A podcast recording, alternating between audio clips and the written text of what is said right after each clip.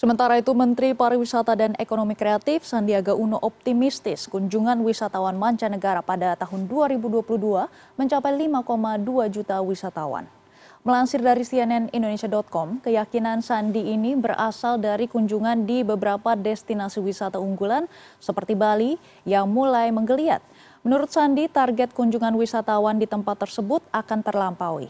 Adapun target kunjungan Wisman dari pemerintah sebesar 3,6 juta Wisman. Sementara untuk sektor ekonomi kreatif, Sandi menyebut nilai tambahannya bisa mencapai 300 triliun rupiah.